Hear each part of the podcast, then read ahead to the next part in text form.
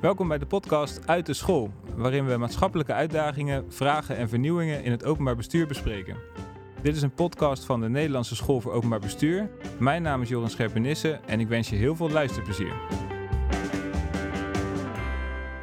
Integraal werken. Dat begrip is tegenwoordig niet meer weg te denken uit de wereld van het openbaar bestuur. Vrijwel altijd wordt het gezien als iets positiefs, net als begrippen als verbinding en gemeenschap. Regelmatig wordt er ook opgeroepen om te werken als één overheid en om integraal maatwerk te leveren. En dat wordt dan geplaatst tegenover begrippen als verkokering en versplintering.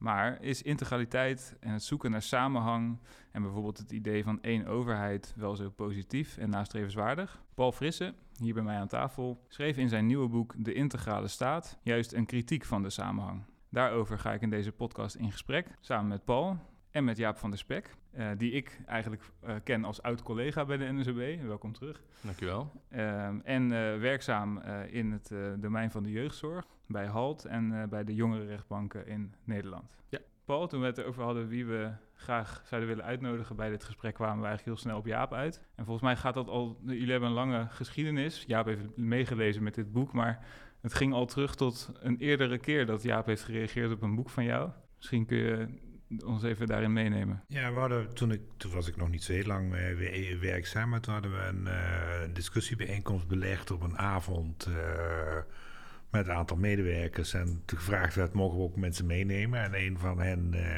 had gezegd, nou dan neem ik iemand mee van, volgens mij, die, die kende van de studie. En dat was Jaap. En nou, mij viel daar erg op te voorkomen Frits en Frank, Frank en vrij sprekende Jaap, die uh, ook allerlei kritische punten over het boek uh, naar voren bracht. En dat vond ik, vond ik niet alleen erg interessant, maar toen heb ik ook gedacht van misschien moet hij wel bij ons komen werken. En zo is het gekomen. Ja, en, vervolgens, en vervolgens heeft Jaap een, een, een, een, flink aantal van mijn boeken als, nou ja, als, als kritische meelezer gedaan. En dat heeft naar mijn oordeel wel erg bijgedragen aan uh, verbetering van kwaliteit van, de, van die boeken. Dus je bent al lange tijd soort recensent of, of commentator van de boeken van ja, Paul? Ja, nou ja, kijk, op het eerste boek uh, was ik niet betrokken. En toen was ik dus gast. En dat kan me dan nog goed herinneren, want ik was helemaal niet thuis in die taal van de postmoderniteit. Ik was afgestudeerd op het uh, godsbegrip in het denken van Spinoza en John Locke. En dan toegespitst op hun liberale staatstheorie weinig uh, concreet, maar goed, het was uh, voldoende om me voor die, voor die bijeenkomst uit te nodigen. En toen ging het daar over Foucault en met name over Deleuze. Nou, dat is, dat is wel ingewikkelde denker, moet ik zeggen. En ik dacht daar enige verduidelijking uh, nou, te gaan ophalen. En er was nog een expert over Deleuze en die maakte het allemaal nog ingewikkelder. Dus ik heb mij geprobeerd te redden. En dat is kennelijk als fris en frank en vrij ervaren. Maar ik moest er wel even in boven komen, moet ik zeggen. Ja, nou ja, dus je bent toen hier terechtgekomen bij ja. de NSB en dus nog altijd betrokken bij de, de boeken van Paul. Ja, ja. zeker. Ja. Mooi. En we hebben je natuurlijk gevraagd vanwege je ervaringen nu in het werkveld van de jeugdzorg. Ja. Zou je daar iets over willen vertellen van wat je ja. doet? Ja, graag. Ja, ik werk in wat je zou kunnen noemen de forensische jeugdzorg. Dat is gelijk ook ingewikkeld, hè? dat gaat over zorg en over straf. Ik heb geruime tijd gewerkt als directeur van een stichting in de wereld van de jeugdgevangenis. Eigenlijk in die van de JI. Je mag van de staat de jeugdgevangenis geen gevangenis noemen. Het is in hun uh, optiek een instelling. Het ziet er overigens in alle opzichten uit als een gevangenis. Er is een muur, er zijn hekken, het heeft een beveiligingsniveau van een TBS. Maar kinderen doen we niet in de gevangenissen, maar in instellingen. En daarna ben ik gaan werken voor Stichting HALT. Dat is eigenlijk de vrolijke kant van het jeugdstrafrecht. Dat is ook geen onderdeel van het strafrecht, maar het zit er net voor. Dus je wordt uit het strafrecht teruggeduwd. En de jonge is een, uh, zit een beetje op dezelfde plek, maar dat is meer vanuit herstel gedacht. Dus in plaats van dat je via straf een conflict probeert op te lossen, proberen jongen aan te zetten om het met elkaar te herstellen. Want het is nog altijd de, de samenleving die zelf die besluit bij kleine uh, delicten, overtredingen en misdrijven, of je dat conflict aan de overheid wil geven of je het met elkaar zelf wil oplossen. En de jongerenrechtbank is eigenlijk een manier om te faciliteren dat jongeren het zelf kunnen oplossen ja. en dus eigenlijk niet in dat strafrecht uh, ja. terecht hoeven te komen. Ja, het leunt een beetje aan met wat vroeger de abolitionisten waren. Die, die waren tegen de gevangenis en tegen het strafrecht, omdat de gedachte daarvan was, je geeft het conflict, conflict weg en daarmee ontnemen de samenleving om zelf conflicten op te lossen. Daar ben ik wel heel blij dat ook de overheid bestaat om bepaalde conflicten namens op, op te lossen. Daar krijg je ook eigen richting van. Maar het strafrecht hoeft ook niet te groot te worden. Ja, en bovendien zou het ook een uh, correcte redenering zijn dat het strafrecht alleen maar van toepassing is op burgers hè, en, uh, van een politieke gemeenschap en binnen een staat. En dat zijn 18, jonger dan 18-jarigen zijn nog geen burger. Ja. Ze beschikken niet over het kiesrecht en, enzovoort. En volgens mij hebben we Europees ook afspraken dat we tot het 18e jaar uh, ook jongeren niet gevangen zetten. En Nederland is natuurlijk altijd heel goed in het creëren van een heel positief beeld van zichzelf door andere woorden te gebruiken. Ja, dat klopt. Het zijn gewoon gevangenissen, toch? Dat klopt. Zijn in alle opzichten gevangenissen. Jongeren ervaren ze ook zo.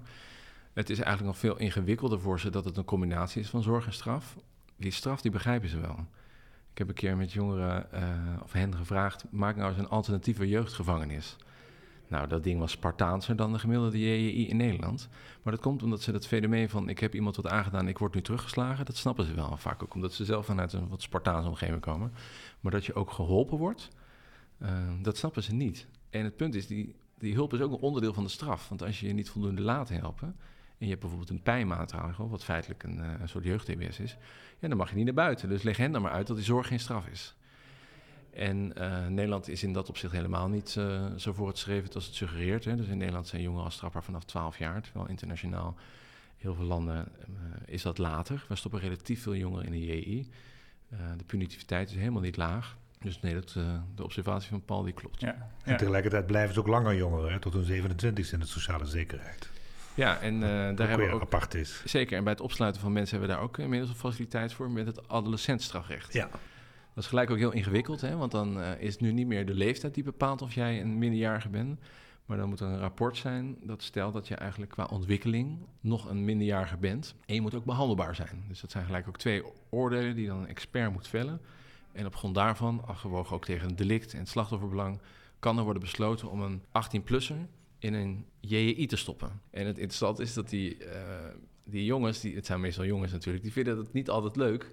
Want die hebben soms het gevoel dat ze in een soort van kleutertuin terecht zijn gekomen. Die willen liever dan, die zeggen, werk. laat mij nou maar ja, in de... Tussen de echte in, in de, Ja, die, laat mij nou maar mijn tijd uitzetten. Ja, ja, ja, Maar goed, dan gaan ze wel naar school. En kijk, veel therapieën werken natuurlijk ook wel. Dus ze hebben er ook wel wat aan. Ja. Nou, we gaan het hebben over de integrale staat en ook hoe nou, de ideeën uit het boek uh, herkenbaar of niet herkenbaar zijn in, in het domein uh, waar jij werkt.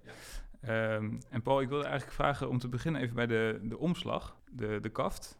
Um, en dat is een uh, drieluik van Hieronymus Bos. En ik weet niet of jij dat, waarschijnlijk weet je dit wel, maar wist je dat, um, dat er een documentaire is met Leonardo DiCaprio, waarin dat beeld ook uh, wordt gebruikt, heel prominent zelfs. Um, ik heb dat laatst namelijk gezien thuis, dat heet Before the Flood, gaat over klimaatverandering. En uh, hij is er zelfs mee naar de, ik heb het even meegenomen hier op een blaadje, hij is er zelfs mee naar de paus geweest om het, uh, de afbeelding van uh, Bos ook te laten zien daar. En uh, nou, hij gebruikt dus dat drieluik om, om aan te geven wat het gevaar is waar we op afstevenen als we niet snel ingrijpen als het gaat om klimaatverandering. Dat is misschien net niet hoe jij het, hoe jij het gebru gebruikt voor jouw boek. Dus ik dacht het misschien wel mooi om daar even mee te beginnen. Ja, dat is zoals ja, mensen die mijn boeken kennen weten dat op dat ik eraan hecht dat er altijd een kunstwerk op het, uh, op het omslag uh, staat. En uh, ik wist eigenlijk al vrij lang dat ik op dit boek dit, dit beeld wilde, wilde hebben. En waarom, waarom is dat het geval? Um, verschillende redenen voor. Maar de eerste reden is dat um, dit is, dit is, dit het, het rechterpaneel van het drieluik de tuin der lusten. Waarbij het middenluik de lusten verbeeldt het linkerluik uh, de harmonische, geordende, samenhangende, schone wereld van de deugden. En het rechterluik uh, de hel uh, verbeeldt. Dat is, een, dat is een opstelling die vaak wordt gekozen in deze, in deze kunst. en, maar wat, wat ik daar persoonlijk wel interessant aan vind, is één, dit helle tafereel van, van Jeroen Bos van het rechterpaneel is het meest geïnterpreteerde helle tafereel uit de kunstgeschiedenis ooit. Het is ook werkelijk hilarisch om te lezen wat er allemaal in gelezen wordt, wat er allemaal uitgehaald uh, wordt uh, uh, uit dit tafereel. Maar wat ook interessant is, is dat in de, de meeste kunsthistorische beschouwingen ook de stelling wordt betrokken dat het in esthetische zin het meest interessante deel is van de drie, de drie luiken uit dat paneel. En dan wordt het natuurlijk heel interessant om je de vraag te stellen: maar hoe kan het nou zijn dat het helle tafereel, wat het kwaad en de vergelding voor het kwaad eh, symboliseert, dat dat in esthetische zin het meest aantrekkelijke is. Nou, dat heeft in de kunstgeschiedenis heeft dat eh, geleid tot, eh, tot zeg maar de theorie van het sublieme. Dat het sublieme in de kunst al die dingen laat zien in de wereld die ondergrondelijk, eh, irrationeel, ontoegankelijk, geheimzinnig, slecht, kwaad zijn. En dat dat in esthetische zin, en dan niet esthetisch zin in termen van schoonheid, maar meer in termen van, eh, eh, van eh, eh, de meest krachtige soort verbeelding, eh, eh, dat dat de beste, de beste kunst eh, oplevert. Ja, want En het, dat is een, stond- het is een soort beeld van chaos, hè, wat je ziet. En ook wel eh, iets wat angst op kan roepen, denk ik, dat Ja. beeld. Maar het is toch niet eh, zoals DiCaprio Nee. suggereert... van iets wat we ten alle kosten moeten vermijden en uit de weg moeten gaan. Nee, voor mij staat het heel sterk hè, voor, de, voor de tragiek van de wereld, voor de zondigheid van de wereld, voor de on- onvoltooidheid van de wereld, voor het kwaad in de wereld. En dat dat in allerlei varianten ook steeds eh, aantrekkelijke aspecten met zich, met zich brengt. En dat die dubbelzinnigheid, die ambiguïteit, eh, nou ja, een van de redenen is waarom we een staat hebben. En dat die staat dus moet, moet, moet proberen te, te, te laveren in een werkelijkheid die nooit heel te maken is, die altijd gebroken blijft. En dat die staat ook gevaarlijk wordt als hij denkt, we moeten van het rechterpaneel naar het linkerpaneel eh, eh, komen. Hè? Waar waarschijnlijk DiCaprio dan de paus mee... eh, hoewel ik denk dat in het Vaticaan eh buitengewoon goed begrepen wordt dat dit ook een heel aantrekkelijk beeld is. Eh, dat Ja. is Ja, ja, ik weet niet precies hoe dat gesprek is gegaan, maar nee, het dat is wel zou, interessant. zou ik graag bij zijn geweest. Maar, eh, Ja, en want dan komen we denk ik ook op het, op de, de- ja, het kernthema van het boek, de, de integrale staat en de kritiek der- van de samenhang. Ehm, zou je iets kunnen zeggen over waarom je, ja, misschien een hele diepe vraag, maar waarom heb je dit boek geschreven? Maar, want integraal werken en de, de ambitie om integraal te worden als staat, is, die heerst eigenlijk overal, toch? Dat zie je eigenlijk in elk beleidsveld wel terug. Ja, het, het woord integraal hè, is in, eh, in ieder geval in mijn eh, intellectuele geschiedenis van onderzoek eh, doen naar de staat, adviseren aan de staat, onderwijzen over de staat, is dat het meest hardnekkige woord. Het was er al, al heel vroeg.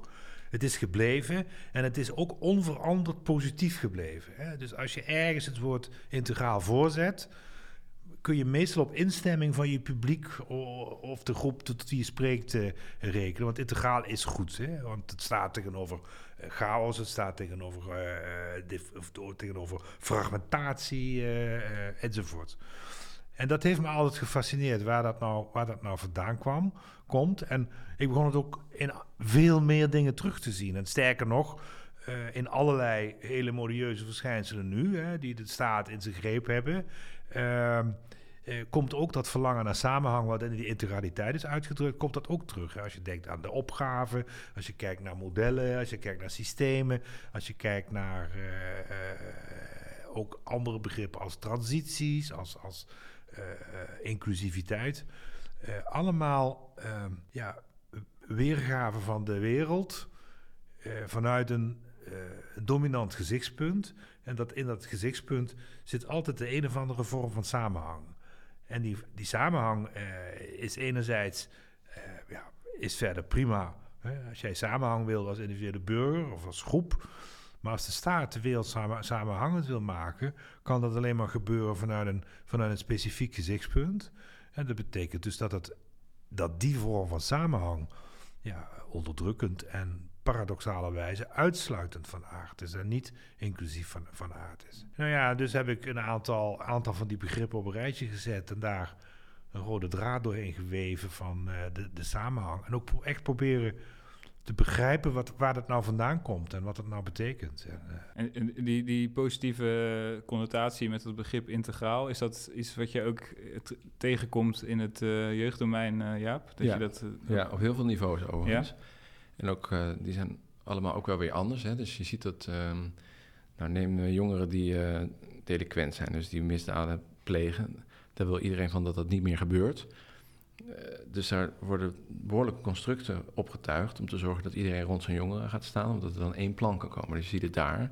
Je ziet het ook aan het begin van het strafrecht bijvoorbeeld op ZSM. Dat is een plek waar dan, als je iets hebt gedaan je hebt s'nachts uh, ben je opgepakt, dan kom je op een monitor en dan zitten alle partijen, moeten dan samenwerken in een integraal verband om tot de juiste afweging te komen. Je ziet het eigenlijk dus in de organisatorische zin van het woord. Maar je ziet het soms ook op het niveau van de taal. En hoe uh, als soort kwaliteitskeurmerk voor een dossier. Ik las het laatst in de krant, het ging dan over die IND. Maar eigenlijk geldt dezelfde criteria voor uh, als er bijvoorbeeld een pro-justitia-rapportage moet geschreven. Men wil dan graag dat een dossier uh, consistent, coherent en compleet is. Bij de IND is dat in ieder geval echt een vereiste. Nou, als je iemand moet portretteren, dan kan dat een consistent verhaal worden. Dat kan. Het kan coherent zijn. Maar die twee dingen gaan nooit samen als het ook nog een compleet beeld van iemand moet geven. Want iedereen is natuurlijk altijd ook een verzameling aan tegenstellingen. En je ziet dat als mensen zichzelf dat als opdracht meegeven, ik moet een compleet, consistent en coherent verhaal schrijven, dat ze dus heel slecht raad weten met de tegenstellingen die iedere jongere met zich meedraagt. Juist die jongeren die heel problematisch zijn, hebben soms ook hele goede kanten. En um, jongeren worstelen daar ook heel erg mee. Die voelen zich soms geportretteerd in de rechtszaal met een analyse, bijvoorbeeld van de, de Raad van de, van de Kinderbescherming. Die moet dan even een diagnose stellen. Die hebben daar allemaal weer experts voor betrokken. En die voelen zich daar dan niet in gekend. Want die, die worden dan in een hokje geplaatst? Of, zo ervaren zij dat. Ja. ja. zo ervaren zij dat. Gekarakteriseerd, en, ja. En ze hebben gelijk. Ze zijn natuurlijk altijd meer dan dat rapport. En ze voelen zich helemaal niet gekend. En dat, nou, omdat de jeugdstrafrecht ook een pedagogische potentie heeft... moeten daarna een soort ja, therapeutische alliantie ontstaan. En die, die komt niet echt van de grond als je jezelf eerst heel eenzijdig geportretteerd voelt. Uh, dus het leidt eigenlijk tot heel veel vervreemding. Dus daarom vind ik die, die kaft ook heel erg mooi. Dat idee van dat een kunstwerk dat kan verbeelden. Ik probeer altijd tegen mensen in, in die wereld uit te leggen... van je kunt jongeren ook proberen te zien als een kunstwerk of als een gedicht. En daar accepteer je het van, dat het vol zit met ambiguïteiten. Dat is nou kracht van de schoonheid. Als je graag met jongeren wil werken, dan moet je ze niet proberen te zien als compleet, consistent en coherent, maar als een kunstwerk. En dan is het misschien wat aanvaardbaarder dat ze ook wel tegenstellingen met zich meedragen. Maar ja, dat is volgens voor de verwerking van wat passend is, buitengewoon ingewikkeld. Ja, en, en, wat je natuurlijk, uh, en niet alleen bij criminele jongeren, maar ook in de hele jeugdzorg ziet, is dat wij uh, steeds meer uh, gedrag van jongeren kwalificeren als afwijkend, uh, als deviant. Uh, uh, dat betekent dus dat enerzijds wij steeds preciezer weten op te schrijven wat eigenlijk de normaliteit is, hè, hoe je zou behoren te wezen als normaal burger. En naarmate we dat preciezer weten op te schrijven, is dus ook steeds meer van wat we doen, als jongeren, maar ook als volwassenen, maar laten we het door jongeren houden, is ook afwijkend van aard. Dus in al dat in al dat diagnostiseren van wat er met jongeren aan de hand is. En dat laten ook veel onderzoeken zien. Hè. Dat prachtige proefschrift van, van Stella, van Sharon Stella, waar ik in de commissie mocht, uh, mocht zitten, laat zien dat in, ja, in 2000, in, in, in, in, de 90 jaren uh, was uh, eh, 1 op de 8, 28, 27 of 28 jongeren had jeugdzorg. Nu is dat 1 op de 8 en als de trend zich doorzet, wordt het 1 op de 6. En ik, als ik zo'n getal lees, ben ik altijd heel erg gefascineerd van... Eh, wat is, er, is er iets met de jongeren gebeurd dan? Of zijn we steeds meer dingen gaan kwalificeren als afwijkend? Als je naar het consultatiebureau gaat, krijg je die fameuze... Uh, vroeger was het een groene kaart met zo'n lijn, zo'n rechte lijn. En steeds meer is dan afwijkend van die gemiddelde lijn. En dat is dan niet een appreciatie van... dit is de bijzonderheid van het kind... Nee, dat is een afwijking van, van de norm. En voor je het weet, ga je dat problematisch maken. en waardoor de tolerantie voor de afwijking ook afneemt. Paradoxale wijze. We zien hem meer en we gaan de normaliteit steeds meer benadrukken. Dat is overigens wel een kenmerk van veel beleidssystemen en veel beleidspraktijken in, in Nederland. Daarin zijn we ook uh, bepaald voorloper in Europa uh, als, je dat, uh, als, je dat, als je dat vergelijkt. maar dat betekent dus dat de normaliteit uh, steeds dwingender van aard wordt en disciplinerender van aard. En dat lijkt mij wel een problematische ontwikkeling. Ja, wat ik wel um, ingewikkeld vind, is dat ik aan de ene kant uh, hoor dat, dat we jongeren meer ja, in hokjes indelen, of zeg maar, dus, dus eigenlijk oppervlakkig gaan duiden als, als een bepaald type. En aan de andere kant is het idee van integraal, denk ik vaak ook, dat je het juist van meerdere kanten bekijkt en dat je een meer compleet beeld of een totaler beeld krijgt van die persoon. Dus is dat een soort nee, tegenstrijdigheid? Want, je, je, als je het, want dat is een hele sympathieke uitdrukking, hè, maar dat kan alleen maar als de wijze van zien van die verschillende kanten wel georganiseerd is vanuit één centraal gezichtspunt. Omdat in het andere geval zijn die wijzen van zien en die perspectieven niet tot elkaar herleidbaar. En dan levert uh, twintig wijzen van zien niet een completer beeld op, maar een verstoorder beeld, een gebrokener beeld. En dat is nou juist wat niet gebeurt. Dat zou mooi zijn als dat wel zou gebeuren, maar hè, het punt is dat je vanuit ja, vroeger vonden we dat allemaal veel vanzelfsprekender. Hè? Dat je vanuit een psychoanalytisch perspectief naar, een mens keek, dan zag je totaal andere dingen dan als je vanuit een gestaltperspectief keek, of wat dan ook. Omdat het niet tot elkaar herleidbare rationaliteiten zijn. En wat we, eh, ja, wat we eigenlijk doen, is die, die verschillen proberen we eh, bij elkaar te brengen. En dat kan alleen maar als daar een, nou ja, toch een gemeenschappelijk beeld aan ten grondslag ligt van nou ja, wat, wat iemand tot mens maakt of niet.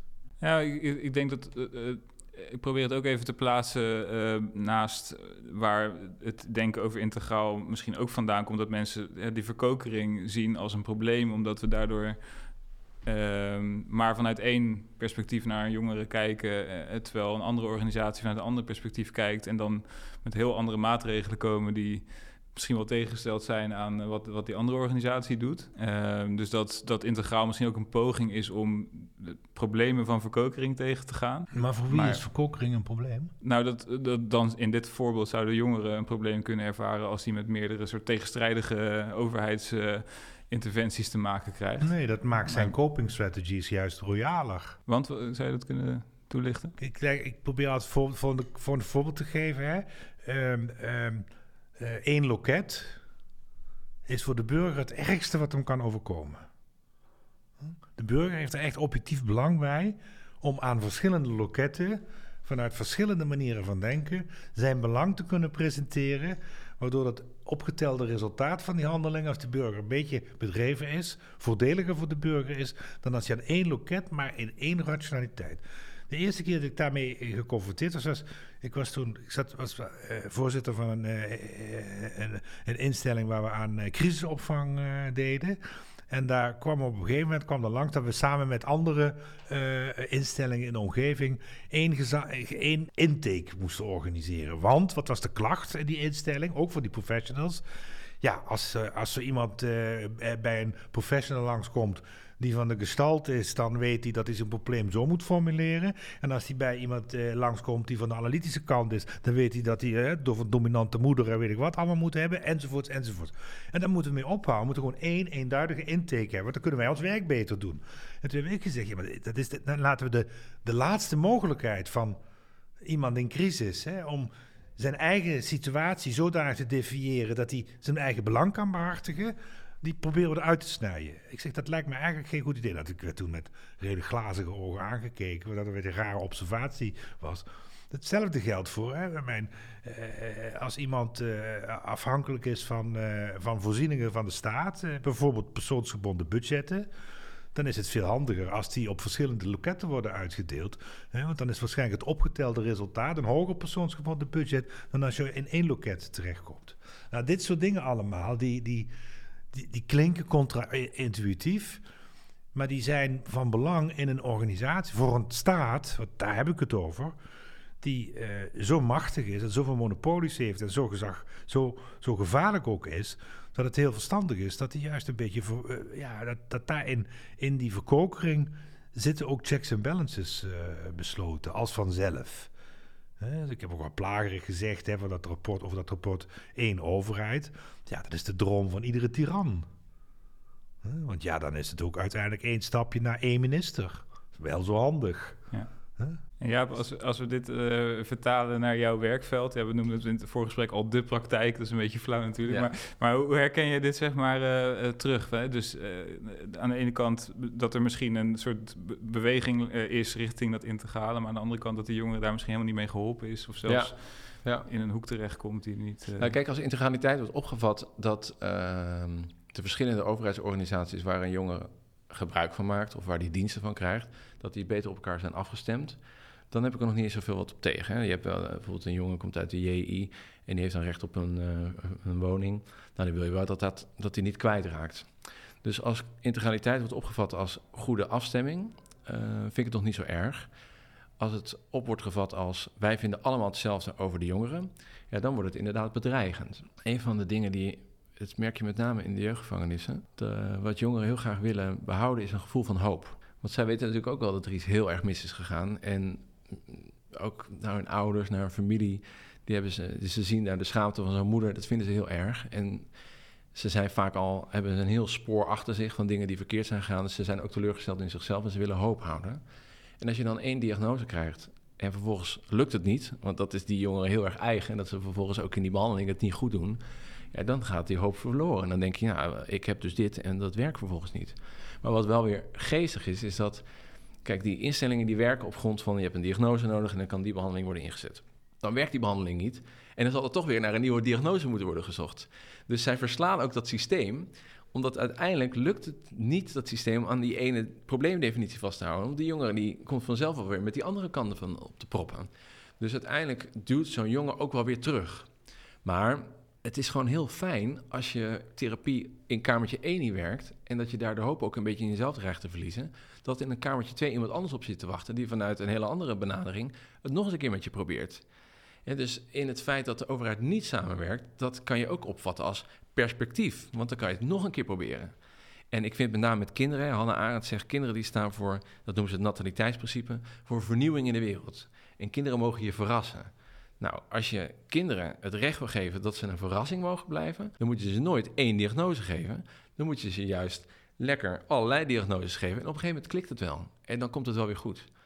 En ehm, je ziet dat jongeren in dat opzicht ook wel een, een, tegenbeweging zijn op die trend van de integraliteit, omdat het nooit helemaal lukt om vat op ze te krijgen.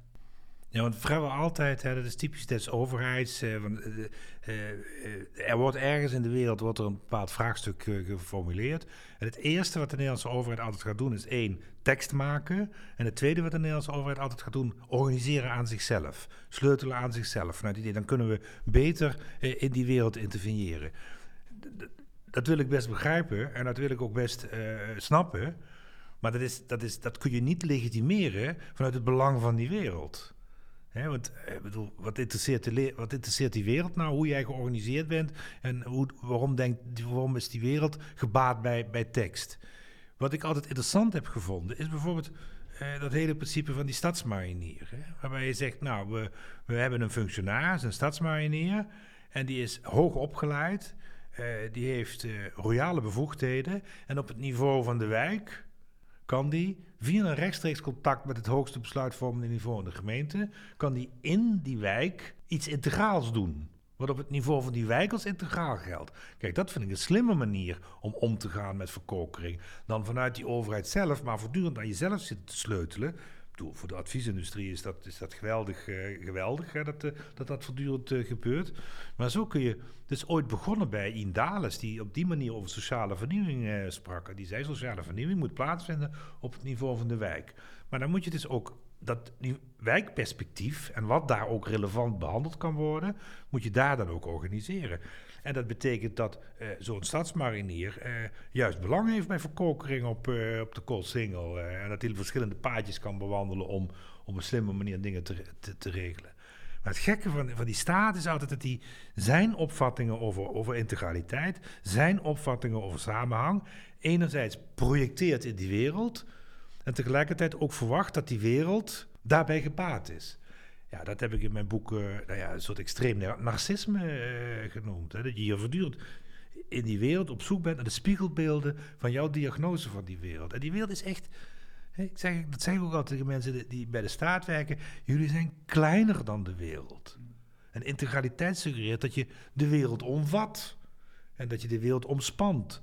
En dat is, je bent maar een deel van, je bent een belangrijk deel, dat daar niet van. En eh, ook gevaarlijk. En, en, en Verdeel sta je ook buiten die wereld, maar je omvat de wereld niet. Ja. Ja, dat is wat ik bedoel met het, het, geheel is kleiner dan de som dat delen. Ja, je schrijft in het boek ook, het je hebt het, eh, het geheel wat je dan zou kunnen noemen, of eh, wat is een systeem of stelsel wordt genoemd.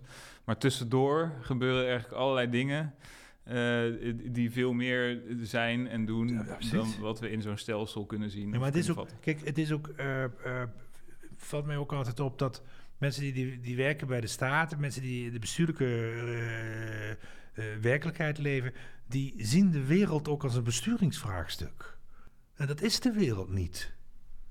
Hij wordt ook wel eens bestuurd, hè, maar eh, de uitkomst daarvan is hoogst toevallig en uh, vaak onbedoeld en weet ik wat allemaal. En dat is echt, hè, zoals, zoals ook de wereld, als je het hebt over een professioneel domein, heeft het professionele domein heeft een hele andere logica dan een bestuurlijke. Alleen omdat de dwang van dat bestuurlijke zo sterk is, merk ik, hè, ook bijvoorbeeld in die instelling waar ik nu voorzitter raad van toezicht ben voor mensen met een verstandelijke beperking, zie ik professionals taal gebruiken die aan de wereld van beleid is ontleend. Die hebben het dan ook over hè, geen verkokering en aan de voorkant komen en weet ik wat allemaal. Uh, ja, daar zie je de dwang van het systeem in werking. Ja. En dat, dat, dat, systeem, hè, bedoel, we hebben 15 jaar geleden hebben wij een paradigma shift gehad in de gehandicaptenzorg. Ja, die is niet door de professionals bedacht, maar door allerlei beleidsmakers. En dat betekent dus dat we nu eh, zo ongeveer een vastgoedportefeuille hebben waar je wel zenuwachtig wordt. Wat bedacht was dat de, onze cliënten erbij gebaat waren om als burgers te worden behandeld en dus allemaal een onafhankelijke woning te hebben. Maar je ziet ook dat niet alleen die zorgprofessionals die bestuurlijke taal spreken, maar je ziet de cliënten.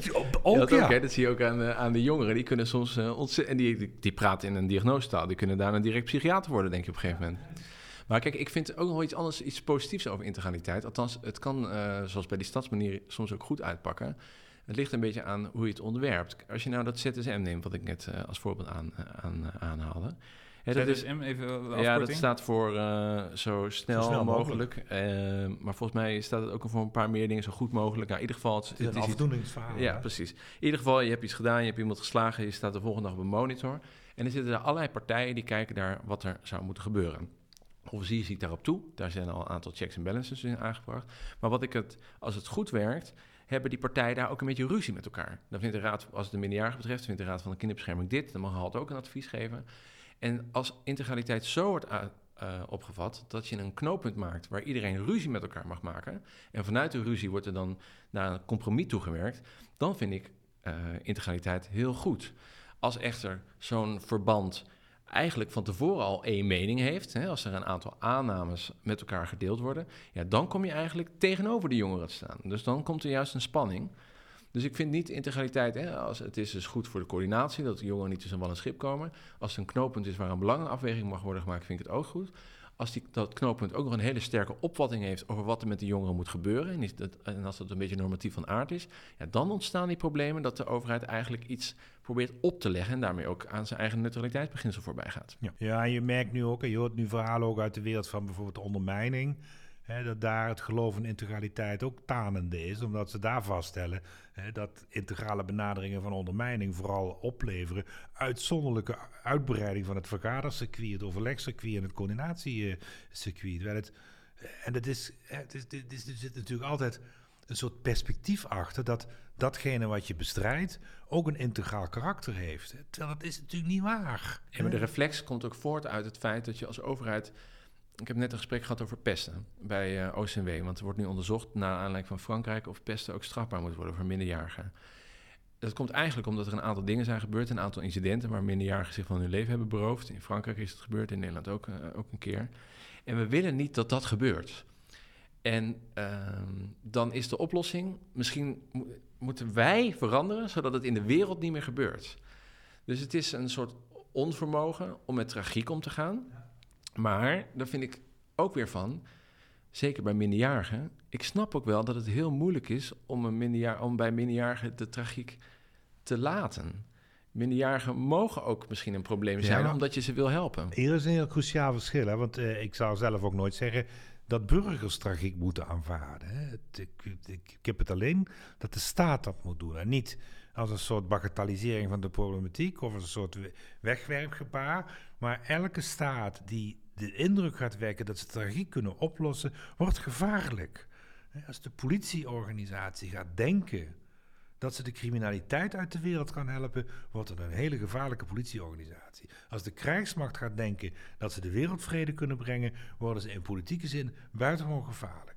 Dat wil niet zeggen dat je niet alles in het werk moet stellen hè, om criminaliteit te bestrijden, of alles in het werk moet stellen om, om, om, om vrede te brengen. Dat je alles in het werk moet stellen om jongeren te beschermen tegen het kwaad. Maar dat kan nooit gebeuren vanuit het perspectief dat we het kwaad daarmee de wereld uitkrijgen. Hè? En bij, bij, pesten is precies zoiets. Het is net zoiets als het strafrecht. Strafrecht is natuurlijk in hoge mate symbolisch recht. Ja. Niemand kan denken dat als wij hebben opgeschreven in strafrecht dat je niet mag moorden, hè, dat er nooit meer moorden zouden kunnen plaatsvinden. Sterker nog, ja, dat blijft een onderdeel van het bestaan. Dat is voor pesten precies hetzelfde. Daarmee heb ik niks ten positieve van pesten gezegd. Maar ja, het is een onderdeel van het bestaan. Dus wat, het eerste wat dan altijd verstandig is, vind ik altijd, kan de samenleving het zelf? Hè? Kunnen gezinnen het zelf? Kunnen mensen het zelf? Kunnen jongeren het zelf? Kunnen civil society het zelf? En na heel lang nadenken kun je vervolgens misschien vaststellen, nou, er zijn nog een paar dingen, daar hebben we nou eigenlijk die overheid echt voor nodig om dat te doen. Nou ja, in symbolische zin pesten verbieden is verder prima, maar ja, ik zie al wat, ik weet al wat er dan gaat gebeuren. Maar als, als ik nog even kijk naar, naar die, die, die, jongeren, hè, je zei van ja, het kan ook soms heel moeilijk zijn om dan niks te doen of zo. Hè? Of uh, te accepteren uh, uh, dat, het, dat het toch op toeval gebaseerd is, of dat, dat je het initiatief daar laat, zeg maar. Dat, is het toch bijna een onmenselijke vraag, zeg maar, voor, voor professionals die, die enorme behoefte oh. hebben aan, ja, maar aan kijk, hulp bieden, zeg maar. Nee, maar het oh, is meer, ja, zeg maar, de, nee, je hebt, je hebt de, de, de, urgentie voel je om hulp te bieden. Het is heel moeilijk om het dan, om dan uh, het, ja, uh, niet ja, over te nemen. Of, uh, maar ik zou net bijvoorbeeld, hè, ik vind altijd dat je daarom ook in dat soort werkvelden heb je ook sterke bestuurders nodig niet om allerlei waanzinnige vergezichten te schetsen of uh, dat soort dingen, maar om professionals te beschermen tegen deze uh, buitengewoon nobele bedoeling, die uiteindelijk op het niveau van het systeem en het stelsel desastreuze effecten zal hebben.